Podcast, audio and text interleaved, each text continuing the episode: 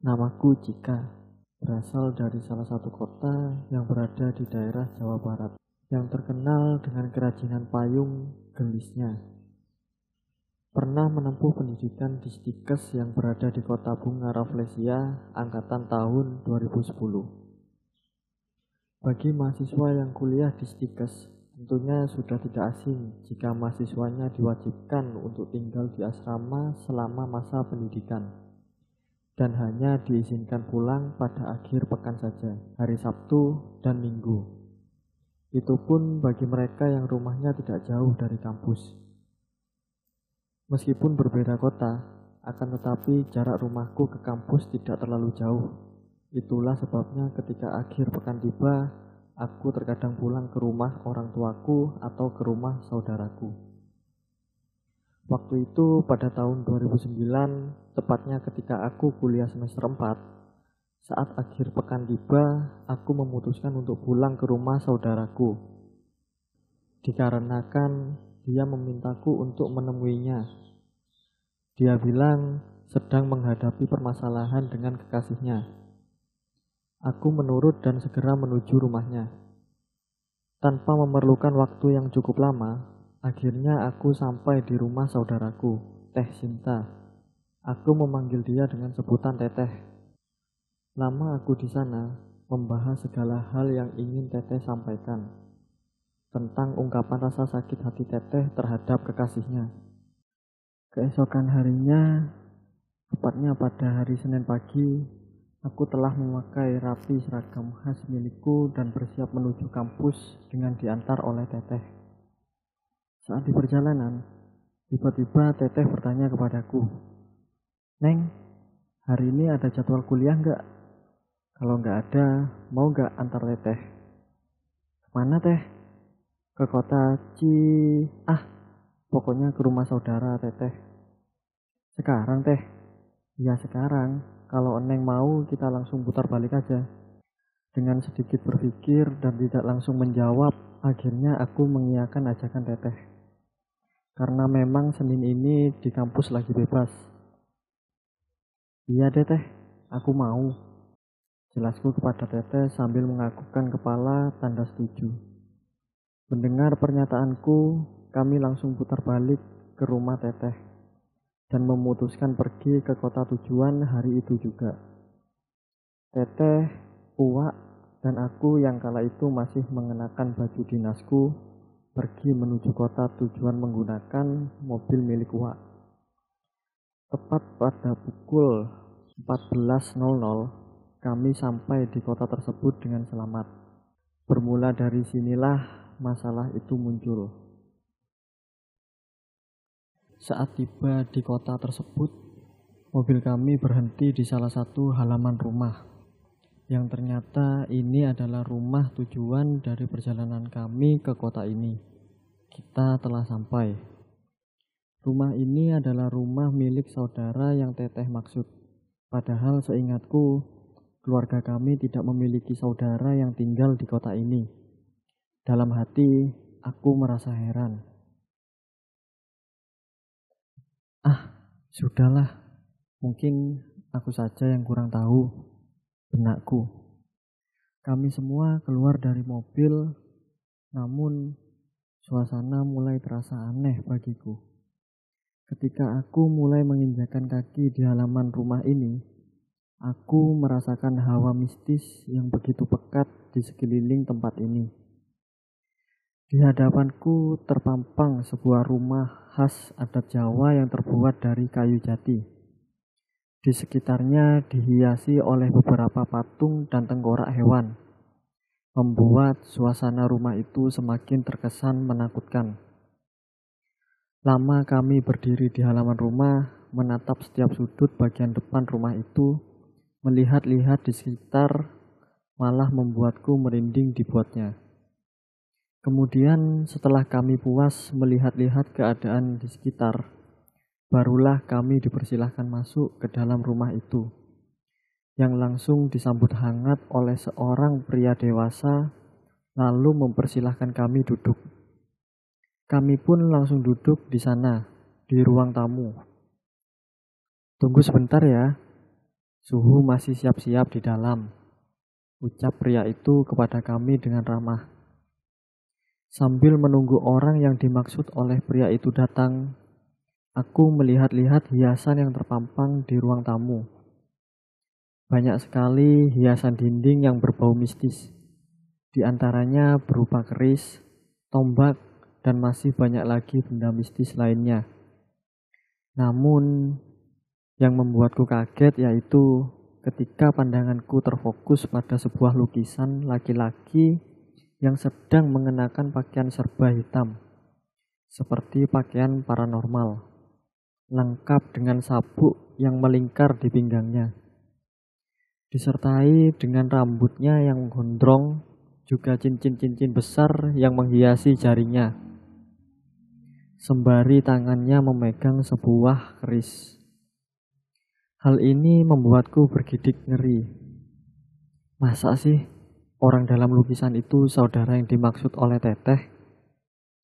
Tapi kok cara penyambutannya tidak seperti kepada saudara, gumamku dalam hati. Sekelebat pertanyaan-pertanyaan itu muncul di kepalaku, tapi tidak satupun aku berani menanyakan hal itu. Ah, sudahlah, biarkan saja. Yang terpenting, ini tidak akan mencelakakanku dan tidak akan merugikanku. Lagian, aku ke sini kan hanya untuk mengantar teteh, tidak lebih. Benakku. Tak lama kemudian, muncullah seseorang dari balik kamar. Dia memakai pakaian serba hitam, rambutnya gondrong, terlihat cincin-cincin besar menghiasi jarinya, layaknya seperti orang yang berada dalam lukisan itu. Itu pasti yang dimaksud suhu tadi, pikirku. Teteh dan Uwa langsung berjabat tangan dengan orang tersebut, sekaligus memperkenalkanku padanya. Lantas, dengan segera aku pun tersenyum sambil menganggukkan kepala dan berjabat tangan dengannya, menyusul Teteh dan Uwa. Eyang Suhu, ini Cika, saudaraku. Teteh menyentuh bahuku. Dia masih kuliah. Dia ke sini hanya untuk mengantarku saja, tidak lebih. Ucap teteh memperkenalkanku kepada orang tersebut. Kemudian, Eyang Suhu langsung menoleh ke arahku. Aku pun langsung mengagukan kepala sambil tersenyum. Beneran, kamu hanya mengantar. Tanya Eyang Suhu kepadaku sambil menatap tajam ke arahku. Tidak ada sepatah kata pun yang keluar dari bibirku. Aku hanya bisa menganggukkan kepala tanda membenarkan ucapannya. Baiklah kalau begitu, ucap Eyang Suhu. Sembari memalingkan pandangannya dari wajahku dan kembali menatap teteh. Aku semakin tidak paham dengan semua ini. Tapi Aku hanya bisa diam seribu bahasa dengan pertanyaan-pertanyaan yang muncul di kepalaku. Kini posisi Eyang Suhu berhadapan dengan Uwak dan Teteh. Aku yang tidak mengerti apa-apa hanya bisa diam sambil mendengarkan mereka bertiga. Jadi begini Eyang, bagaimana ya? Sekarang ini aku benar-benar bingung, gak bisa melupakan laki-laki itu. Padahal dia sudah menyakiti hatiku. Ucap Teteh menjelaskan permasalahannya itu kepada Eyang Suhu. Sudah nggak apa-apa, gampanglah itu. Sekarang mau dibagaimanakan? Mau dilupakan atau mau dibikin suka lagi sama Eneng? Kata Eyang Suhu sambil menatap. Terserah Eyang saja, yang penting aku sudah capek. Jawab Teteh sambil terus memasang raut wajah yang sedih. Ya sudah, kalau begitu nanti setelah asar kita berangkat ke Gunung Ciremai. Nanti Eyang bawa murid-murid Eyang. Sekarang istirahat saja dulu. Jelas Eyang kepada kami. Kemudian Teteh berbalik ke arahku. Gimana Neng? Neng, Mau ikut apa mau tunggu di sini saja? Tanya Teteh sambil terus menatapku. Aku diam sejenak, tidak langsung menjawab pertanyaan Teteh, karena masih memikirkan keputusanku. Kalau aku ikut, takut. Tapi kalau nggak ikut, nanggung udah setengah perjalanan. Ah, hitung-hitung pengalaman. Lebih baik aku ikut saja, batinku. Iya teh, aku ikut saja. Seruku pada teteh. Tepat pada pukul 4 sore, satu persatu orang berdatangan ke rumah Eyang Suhu. Kulihat ada empat orang perempuan dan satu orang laki-laki. Mereka menghampiri Eyang Suhu kemudian mencium tangan Eyang. Gimana? Persiapannya sudah dibawa? Tanya Eyang kepada mereka berlima.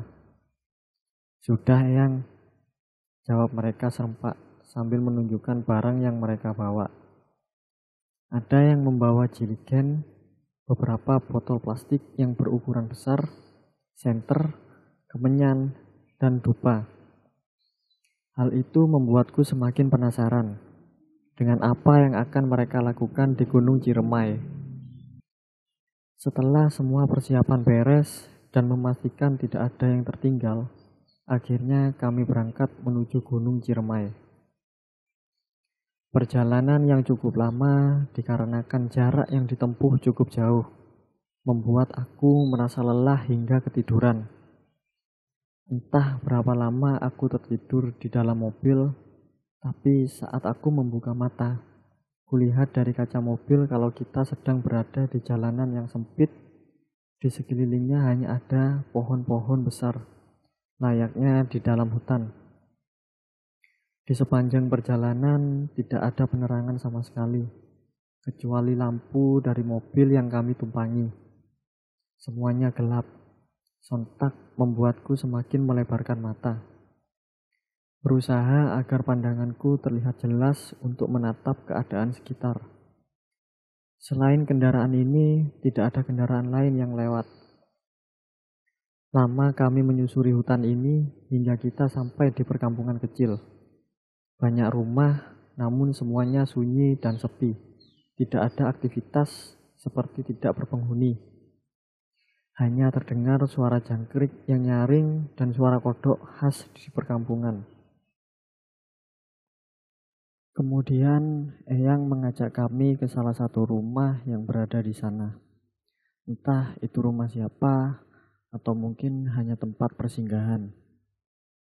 Mobil diparkir Mobil dipark mobil diparkir di sini aja.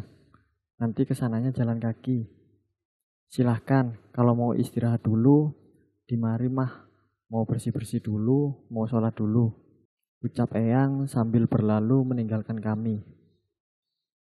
Segera kami pun masuk ke dalam rumah sederhana yang berada di hadapan kami ini. Diiringi dengan mengucapkan salam, Lalu dari dalam rumah keluar seorang nenek beserta remaja laki-laki. Mereka menyambut kedatangan kami. Sekarang kondisi badanku sudah tidak enak karena kecapean selama perjalanan tadi. Terasa berat dan sakit di sekujur tubuhku.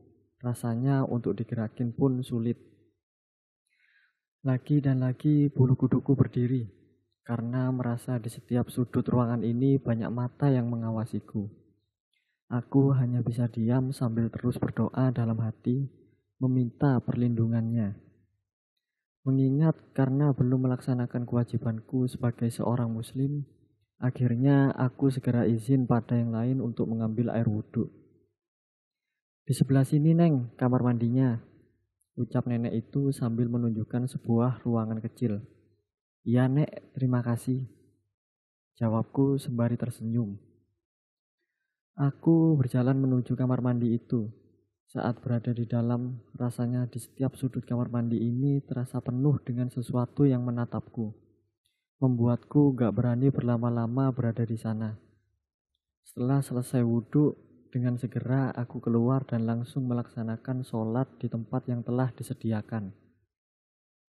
Saat semua selesai melaksanakan sholat dan beristirahat, kami semua kembali lagi berkumpul di ruang tamu. Sudah siap? Ucap Eyang Suhu di tengah keheningan kami. Kalau sudah siap, ayo kita segera berangkat. Nanti keburu malam. Jadi ini siapa yang gak akan ikut? Seru Eyang kepada kami semua. Tidak ada yang menjawab. Kami semua hanya menggelengkan kepala. Kemudian Eyang keluar dari rumah dan langsung diikuti oleh kami. Lalu menyusuri jalan setapak yang tak jauh dari rumah itu. Perjalanan yang lumayan jauh Sekitar 30 menit sampailah kami di sebuah gapura yang menuju ke Gunung Ciremai. Saya menunggu di sini aja, gak bakalan kuat kalau mesti ikut ke atas mah. Jelas Uwak kepada Eyang. Kemudian Uwak berbalik ke arahku dan bertanya, Gimana jika ikut mual? Tanya Uwak kepadaku. Aku melamun memikirkan keputusanku. Ayo Neng, Mending ikut aja, biar ada pengalaman, biar tahu. Timpal teteh menyadarkanku, I, i iya, aku ikut aja teh. Terbata-bata aku mengiyakan ajakan teteh, meskipun rasa takut semakin tumbuh di dalam diriku. Silahkan, yang sekiranya nggak perlu dibawa, simpan saja di sini. Soalnya perjalanan ini bakal capek, ucap Eyang. Kemudian Teteh dan murid-murid Eyang mempersiapkan diri. Mereka masing-masing dengan segala hal yang akan mereka bawa ke Gunung Ciremai. Aku sendiri yang tidak membawa apa-apa merasa kebingungan. Apa yang harus dibawa ke atas sana? Karena aku sama sekali tidak membawa apa pun kecuali baju yang kukenakan sekarang ini. Akhirnya aku hanya diam, sambil melihat mereka yang tengah bersiap-siap. Kulihat mereka membawa peralatan make up, botol minum, juga sebuah foto. Sebenarnya ini mau ngapain sih? Kok sampai bawa peralatan begitu ke gunung benakku? Heh, sahut seseorang membuyarkan lamunanku. Kulihat ke arahnya ternyata dia salah satu murid perempuan Eyang. Kamu nggak bawa apa-apa? Nggak bawa make up buat nanti ritual di sana? Tanyanya sambil menoleh ke arahku. Aku yang gak tahu apa-apa hanya menggelengkan kepala karena kebingungan. Ini loh, kamu bawa make up. Dia menunjukkan beberapa make up miliknya supaya nanti bisa didoain di sana. Biar nanti kalau dipakai jadi makin cantik dan bakal banyak orang yang suka sama kamu. Jelasnya. Sambil terus mempersiapkan barang bawaannya. Firasatku semakin yakin kalau ada yang tidak beres yang akan dilakukan di Gunung Ciremai malam ini. Tapi aku tidak bisa melakukan apa-apa. Aku hanya bisa diam dan mengikuti arahan dari mereka sambil terus berdoa meminta perlindungannya supaya dijauhkan dari gangguan dan mara bahaya.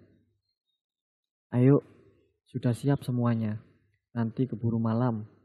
Sekarang berdoa dulu ucap Eyang kepada kami semua. Aku dan yang lainnya pun segera berdoa dalam hati masing-masing di hadapan gapura yang menuju ke arah Gunung Ciremai. Kala itu, waktu menunjukkan pukul 8 malam. Baru saja kami menginjakkan kaki di Gunung Ciremai, sudah terdengar sorak-sorai hewan bersahutan, seperti menyambut kedatangan kami mulai dari riuh suara monyet, koak burung yang terdengar agak berbeda, suara jangkrik yang nyaring, serta masih banyak lagi suara hewan lainnya yang mencekam di telinga kami.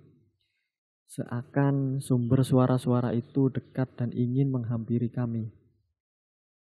Dengarkan, semua monyet bersuara, menandakan mereka bahagia dengan kedatangan kita kata Eyang yang terus berjalan di posisi paling depan. Iya suhu, sahut murid-murid Eyang serempak. Bulu kudukku berdiri ketika melihat di sekeliling kami yang hanya terdapat pohon-pohon besar yang menjulang tinggi dalam kegelapan. Rasanya di balik setiap pohon-pohon yang besar itu ada yang mengawasi. Suara-suara hewan yang mencekam tak kunjung berhenti seakan terus mengikuti langkah kami. Dek. Aku menyenggol bahu teteh sambil memberikan isyarat agar teteh melihat ke arah pohon besar yang berada di dekatnya. Apa? Jawab teteh menghadapku.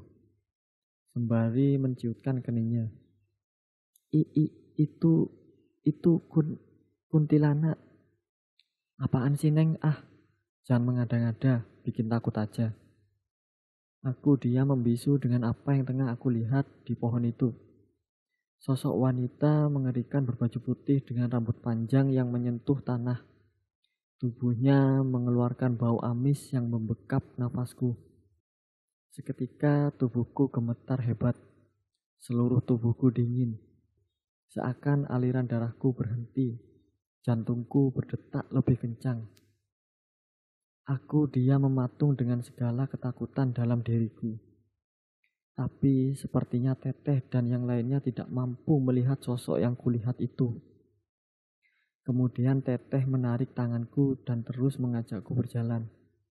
Sepanjang perjalanan dengan badanku yang masih gemetar, sekelebat bayangan-bayangan hitam terus melintas di antara pohon-pohon besar di tengah hutan ini. Semak-semak bergoyang sendiri, seakan menyembunyikan sosok yang siap menampakkan dirinya di hadapan kami. Semakin membuat nyaliku lemah.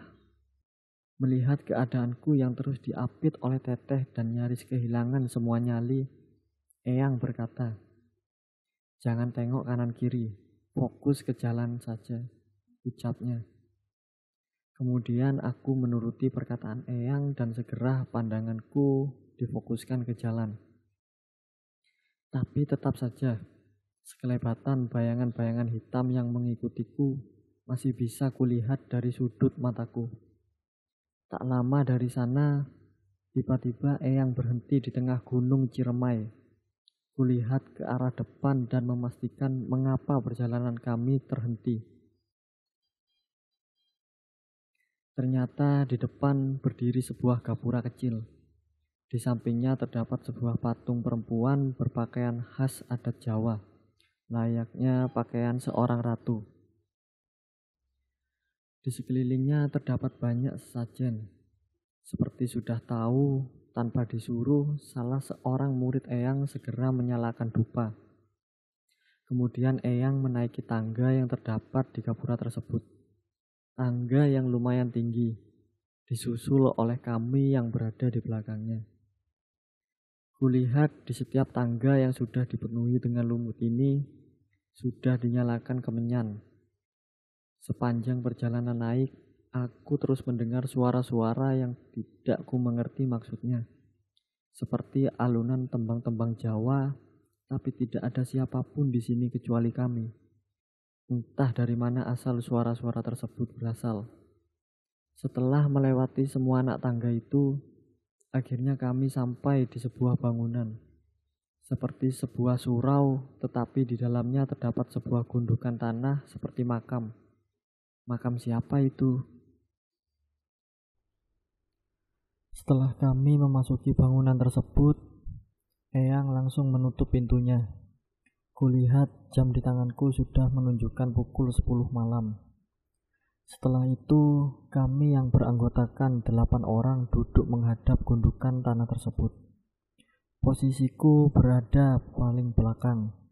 Eyang menjelaskan bahwa gundukan ini merupakan makam dari penunggu Gunung Ciremai. Eyang tidak memberitahukan namanya. Tapi yang jelas pemilik makam tersebut adalah seorang perempuan. Silahkan, yang tadi diambil segera dikeluarkan. Perintah Eyang terhadap kami. Dengan segera, Teteh dan yang lainnya mengeluarkan semua barang yang mereka bawa. Mulai dari make up, botol minum, dan juga foto. Setelah itu, menyimpannya di depan makam tersebut. Aku yang tak membawa apa-apa hanya terus mengucapkan istighfar dalam hati. Tak henti-hentinya meminta perlindungan dari Allah Subhanahu wa taala. Setelah semuanya siap, semua alat penerangan dimatikan. Tidak ada cahaya setitik pun. Ritual akan segera dimulai. Aku yang sedari tadi duduk di posisi paling belakang, tiba-tiba badanku terasa berat, sulit untuk digerakkan.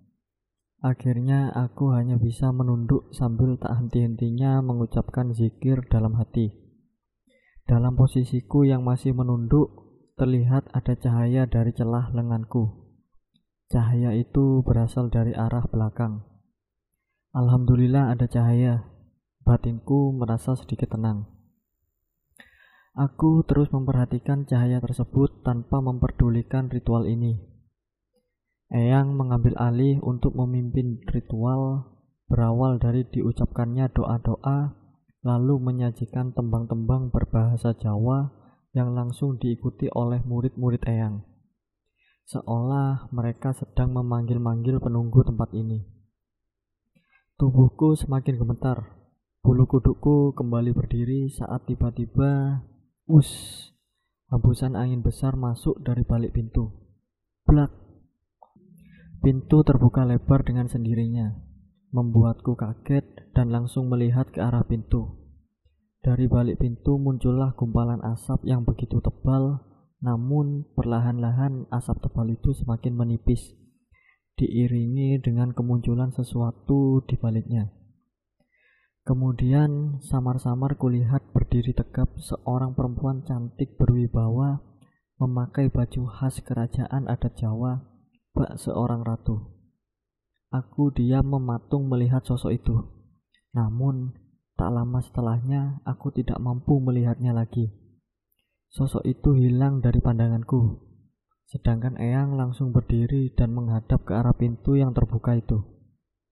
Sendika dawuh Raden Diajeng ucap Eyang sambil membungkukkan badannya seperti sedang memberikan tanda penghormatan kepada arah datangnya perempuan tersebut. Bagai patih terhadap ratunya. Salam hormat dari saya dan murid-murid saya. Kedatangan kami ke sini untuk mengantar Neng Cinta tutur Eyang sambil memperkenalkan Teteh pada ruang hampa yang menjadi tempat kemunculan perempuan cantik yang telah hilang dari pandanganku tadi. Untuk meminta bantuan kepada Raden, jelas Eyang yang terus menghadap ke arah ruang hampa tersebut, seperti sedang mendengarkan sesuatu. Kemudian Eyang berkata, Oh itu, Eyang melirikku. Dia Neng Cika, saudaranya Neng Sinta. Dia ke sini hanya untuk mengantar saja. Tidak ada maksud apa pun. Ucap Eyang. Dek. Keringat dingin mulai bercucuran dari tubuhku. Sepertinya sosok perempuan cantik tersebut masih ada di tempat itu dan memperhatikan keberadaan kami. Tapi hanya Eyang yang dapat melihatnya.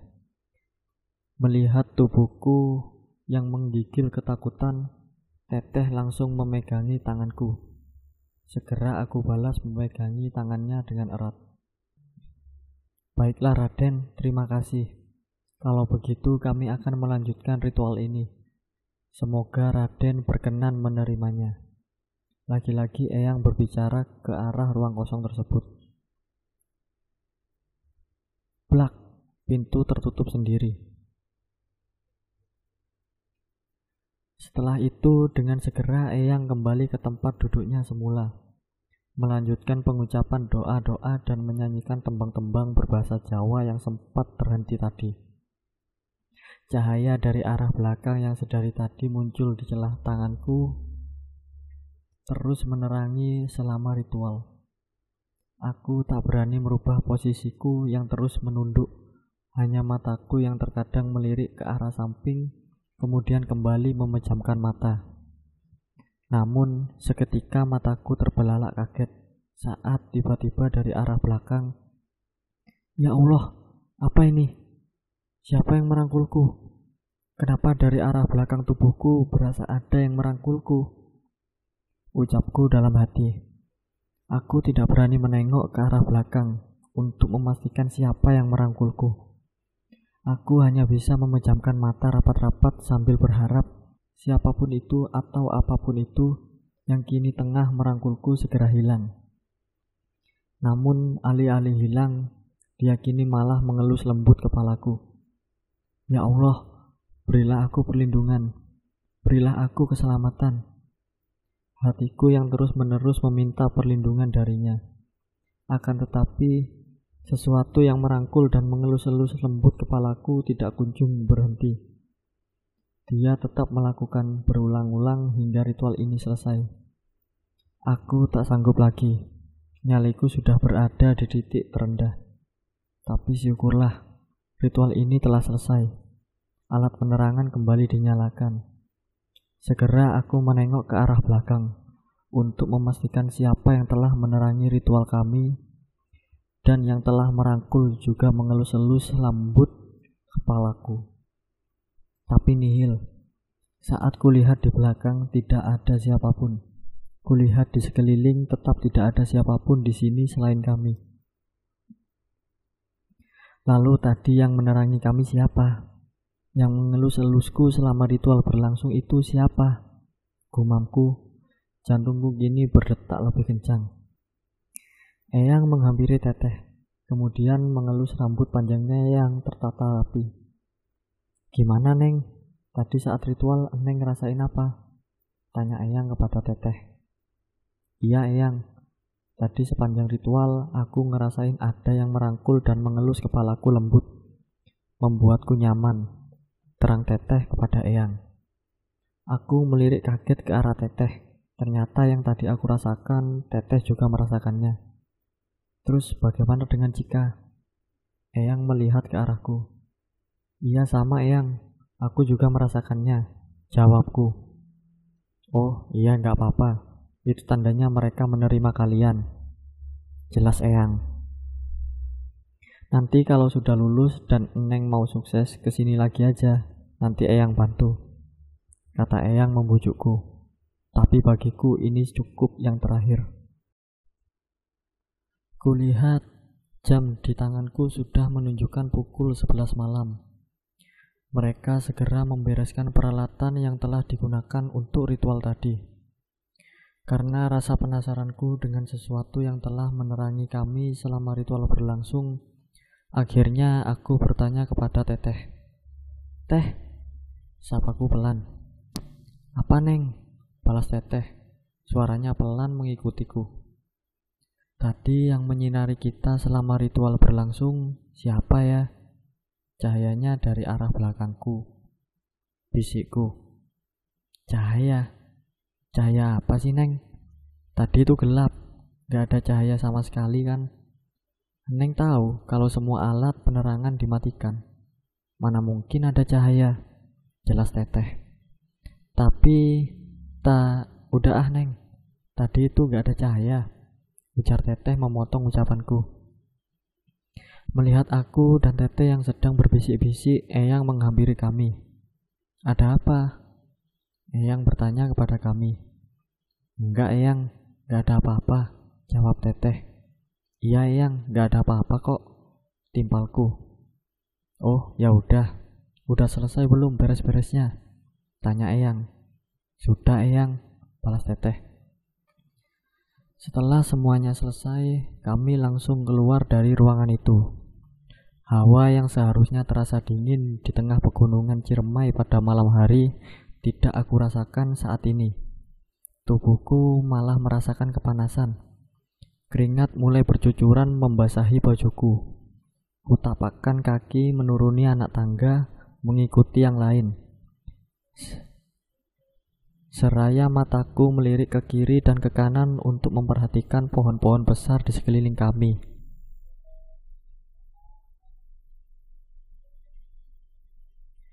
Suara monyet yang sedari tadi bersorak-sorai mengikuti kami juga tak kunjung berhenti.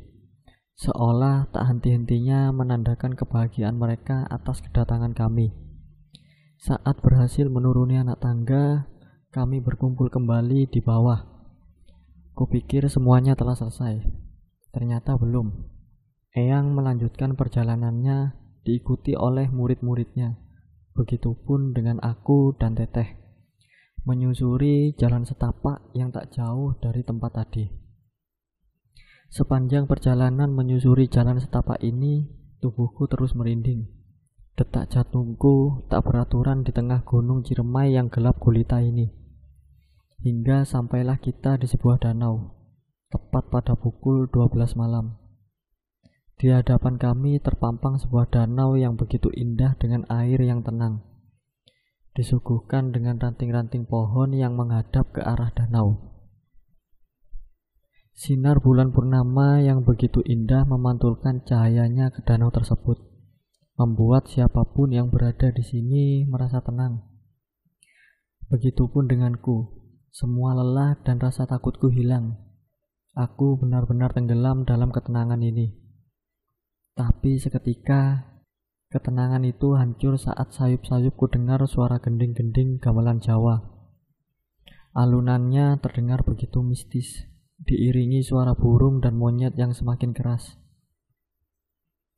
Sekarang ritual terakhir.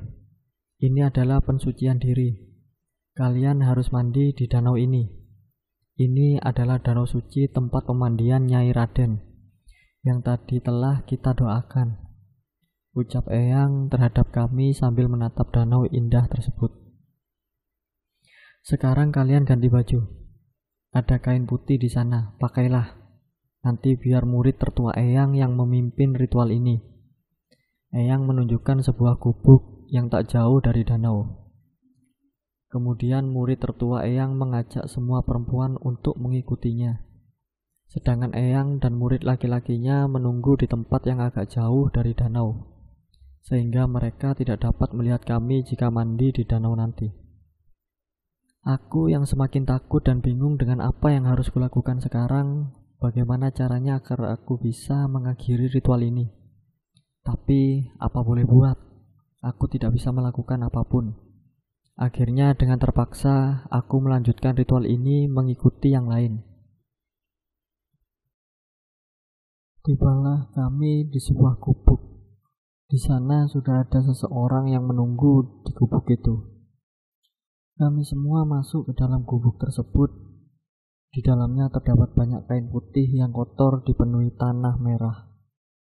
Kita diharuskan untuk memilih salah satu kain tersebut untuk kemudian memakainya. Setelah semua selesai mengganti baju dengan kain putih tersebut, kami diajak untuk turun ke danau. Langkah demi langkah terus berjalan menyusuri danau. Hingga kita berada tepat di kedalaman danau yang airnya menjuntai sampai ke dada. Kami berhenti di sana, mengikuti suruhan murid tertua Eyang. Air danau di pertengahan Gunung Ciremai tidak terasa dingin sedikit pun, meskipun airnya merendam sampai ke dada. Sekarang akan dilakukan pensucian. Sekarang akan dilakukan pensucian. Masing-masing akan dicelupkan ke dalam air danau ini sebanyak tiga kali. Di setiap celupan dalam hati kalian mintalah sesuatu, apa pun yang kalian mau. Dalam hati kalian mintalah sesuatu, apa pun yang kalian mau. Murid tertua Eyang menjelaskan ritual yang akan kami jalani. Kami semua hanya mengangguk menuruti apa yang akan dilakukan. Sekarang satu persatu kemarilah, dan angkat kedua tangan kalian seperti akan meminta sesuatu. Murid tertua Eyang mengangkat kedua tangannya seperti akan berdoa memberikan contoh kepada kami. Ritual pensucian dimulai. Satu persatu dari kami menghadap murid tertua Eyang, lalu dicelupkan olehnya ke dalam danau sebanyak tiga kali. Sembari tangan terus dalam posisi seperti sedang berdoa. Sekarang adalah giliranku. Kulakukan seperti yang lainnya. Kulihat mulut murid Kulihat mulut murid tertua Eyang itu komat kamit seperti merapal suatu mantra. Tak lama dia memegang kepala bagian atasku lalu dicelupkannya ke dalam air. Aku yang kaget sontak membuka mataku saat masih berada di dalam air. Betapa mengejutkan saat mataku terbelalak melihat seekor ikan raksasa yang mengitari tubuhku. Karena rasa takut, aku langsung mengangkat kepalaku. Akan tetapi murid tertua Eyang terus memaksakan kepalaku agar celup sampai tiga kali. Dengan nafas yang ngos-ngosan, akhirnya aku berhasil menyelesaikan ritual pemandian suci itu. Kami semua kembali naik ke tepi danau dan kembali ke gubuk untuk mengganti pakaian.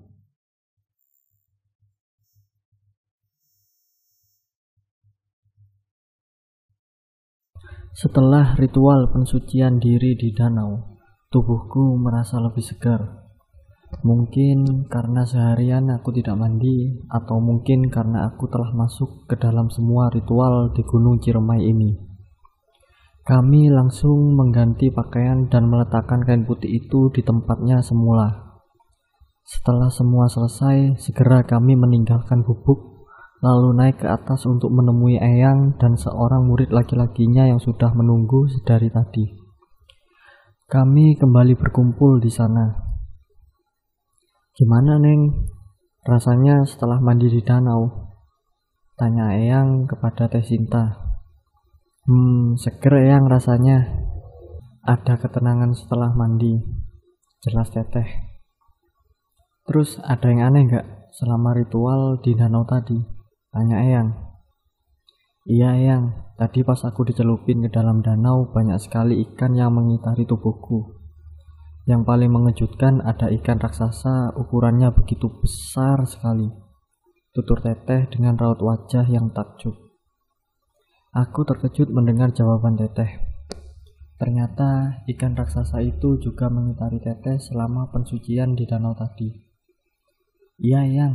Tadi ada ikan raksasa, susul murid perempuan Eyang yang tadi mengikuti ritual di danau.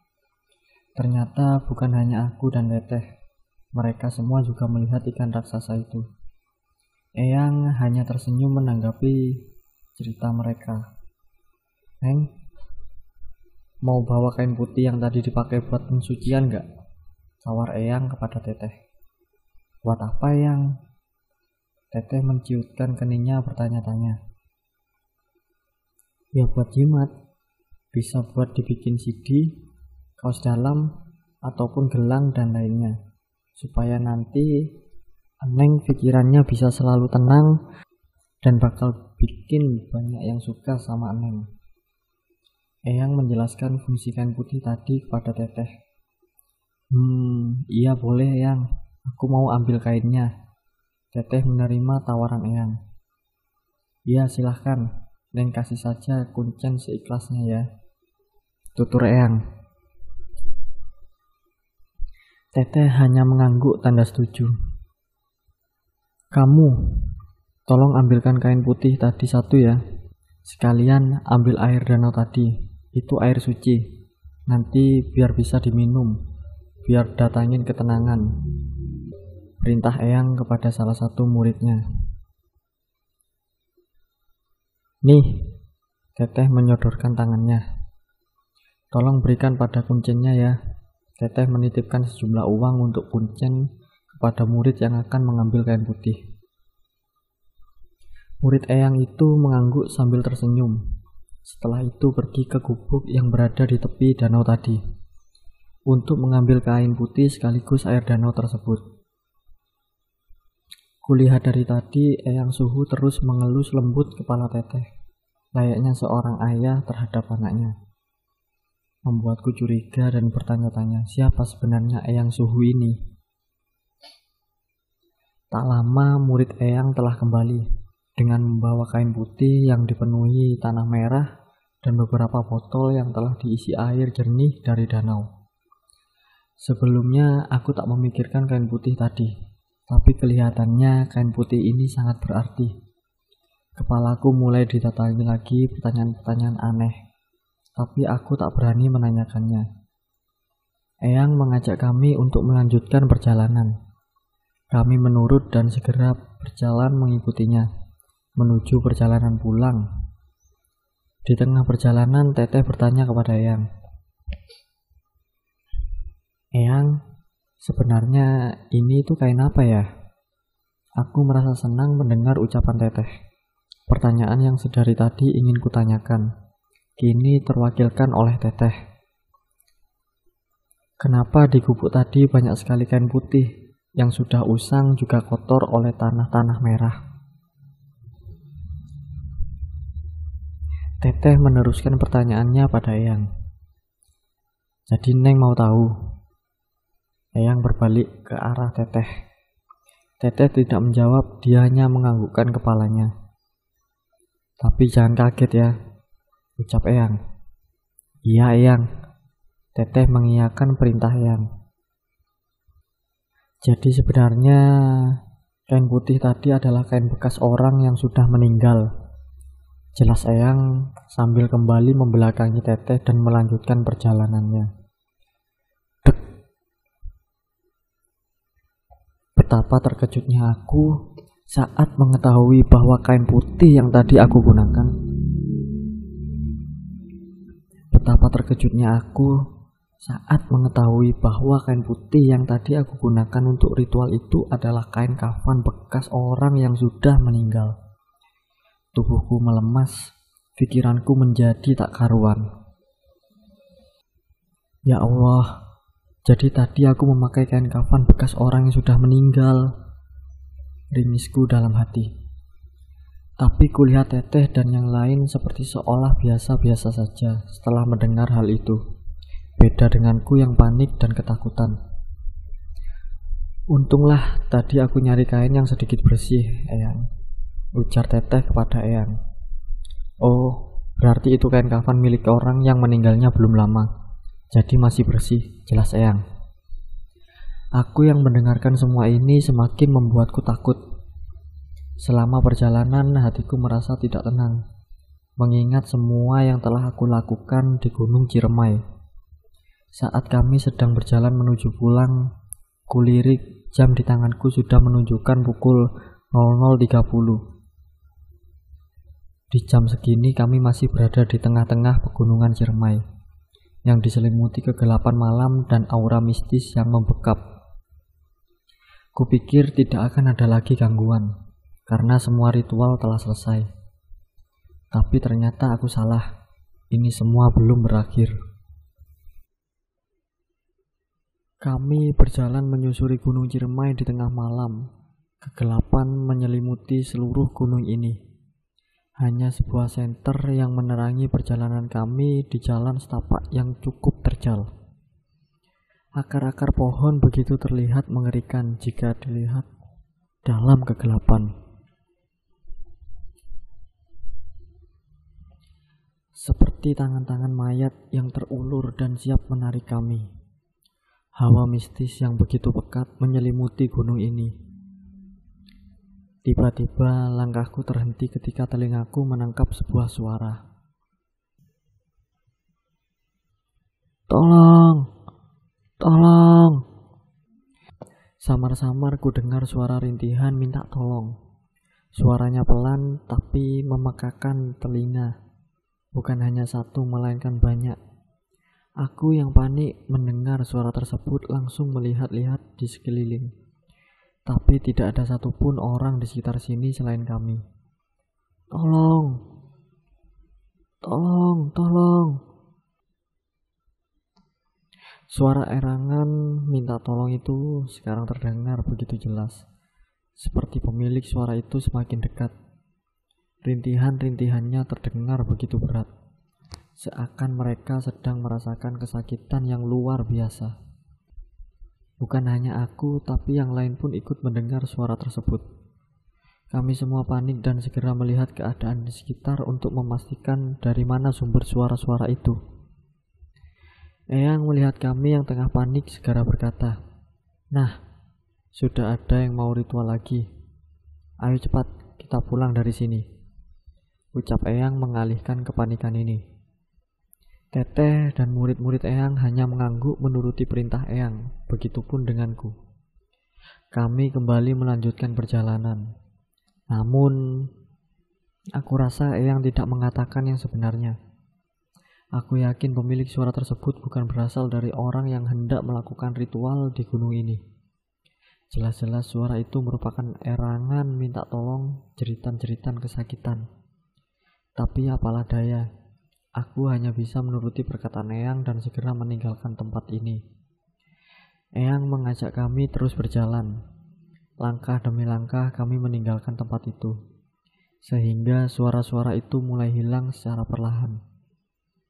Pikiranku tidak bisa fokus selama perjalanan, mengingat suara misterius tadi. Sebenarnya siapa pemilik suara-suara itu? Dari mana datangnya mereka? Mengapa mereka terdengar seperti sedang kesakitan? Apa yang tengah terjadi pada mereka? Atau mungkin benar kata Yang, kalau pemilik suara tersebut hanya manusia biasa yang akan menjalankan ritual seperti yang telah kami lakukan. Pertanyaan-pertanyaan itu memenuhi pikiranku saat ini. Setelah beberapa menit kami berjalan, tidak ada gangguan apa pun. Hatiku sedikit lega. Namun, sepertinya penunggu di gunung ini tidak mau membuatku tenang. Hingga aku mendengar kembali suara-suara misterius. Krek, krek, krek, krek. Pendengaranku kembali menangkap sesuatu, seperti suara kuku tajam yang sedang mencakar pohon. Suara cakaran itu tergantikan dengan suara raungan menyeramkan Sumbernya terdengar dari balik pohon besar yang ada di sampingku. Hembusan angin dingin tiba-tiba menabrak wajahku hingga aku menjerit histeris melihat sosok yang tiba-tiba muncul di hadapanku. Sosok itu menatap tajam ke arahku dengan mata yang merah menyala. Tubuhnya begitu tinggi, setara dengan pohon-pohon yang ada di sini. Badannya besar dengan kulit hitam yang dipenuhi dengan bulu. Baru pertama kali aku melihat sosok yang mengerikan seperti ini. Aku sudah tidak dapat menahan rasa takutku. Tubuhku seketika menjadi lemas. Kaki ini sudah tak mampu menopang tubuh lagi. Aku terjatuh dan tertunduk, menyembunyikan kepala di balik kedua lututku, lalu menangis jadi-jadinya. Melihat keadaanku, semuanya panik dan bertanya-tanya, apa yang terjadi padaku. Lalu Segera mereka menghampiriku. Ada apa, Neng? Tanya Teteh yang langsung memelukku, mencoba menenangkanku. Kenapa ini? Susul murid-murid Eyang. Tidak ada sepatah kata pun yang keluar dari mulutku. Aku hanya bisa menangis dengan segala ketakutan. Teteh semakin erat memeluk tubuhku yang terus meringkuk. Semuanya berusaha untuk menenangkan. Ini minum air dulu, Eyang menghampiriku dan menyodorkan sebotol air yang diambil dari danau tadi. Aku langsung meminumnya dengan dibantu oleh teteh. Seketika tubuhku kembali tenang. Kulihat ke arah depan sosok yang ada di hadapanku tadi kini telah hilang dari pandangan. Aku menarik nafas panjang, merasa sedikit lega. Setelah melihat keadaanku yang mulai membaik, Eyang mengajak kami untuk kembali melanjutkan perjalanan. Tubuhku terus diapit oleh teteh karena masih lemas. Tenagaku mulai pulih kembali, kini tak lagi diapit oleh teteh.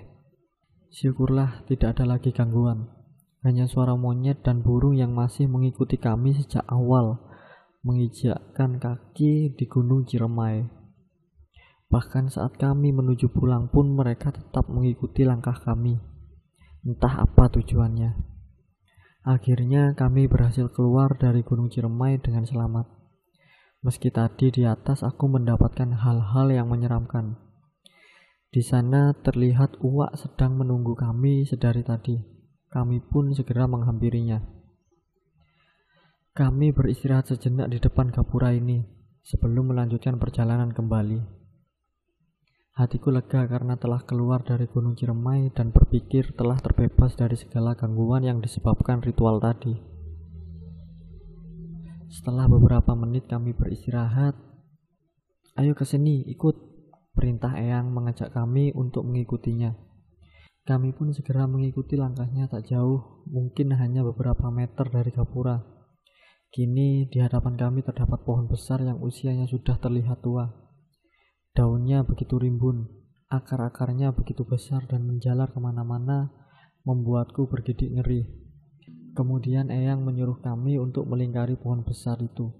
Aku tidak tahu lagi apa yang akan dilakukan. Ini tuh pohon keramat. Kalian bisa meminta dan memohon apa pun di bawah pohon ini. supaya keinginan kalian terwujud. Tutur Eyang menjelaskan. Kulihat semuanya menurut dan segera menundukkan kepala dengan khusyuk, meminta sesuatu yang diinginkan. Aku pun ikut menunduk menghargai perintah Eyang. Namun dalam hati aku hanya meminta perlindungan kepada Allah Subhanahu wa taala, bukan pada pohon keramat ini. Ya Allah, lindungilah aku dari segala mara bahaya.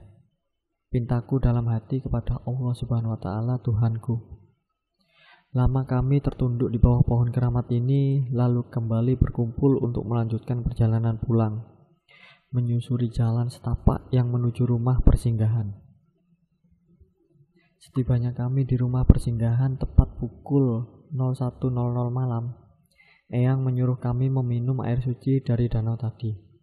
Air yang sempat aku minum di perjalanan, begitu jernih dan terlihat menyegarkan.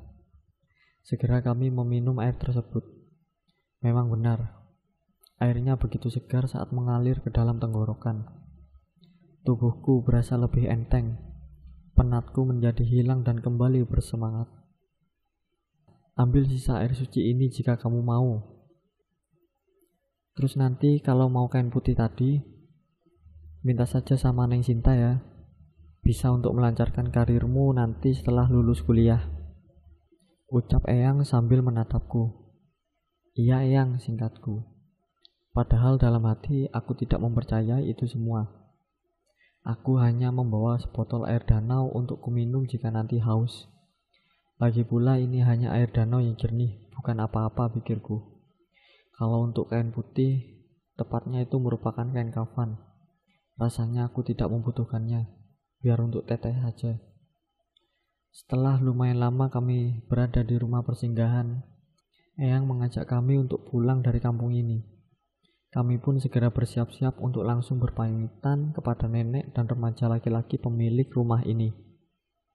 Segera kami masuk ke dalam mobil untuk melanjutkan perjalanan ke kota kediaman Eyang. Uwak melanjutkan mobilnya meninggalkan perkampungan ini.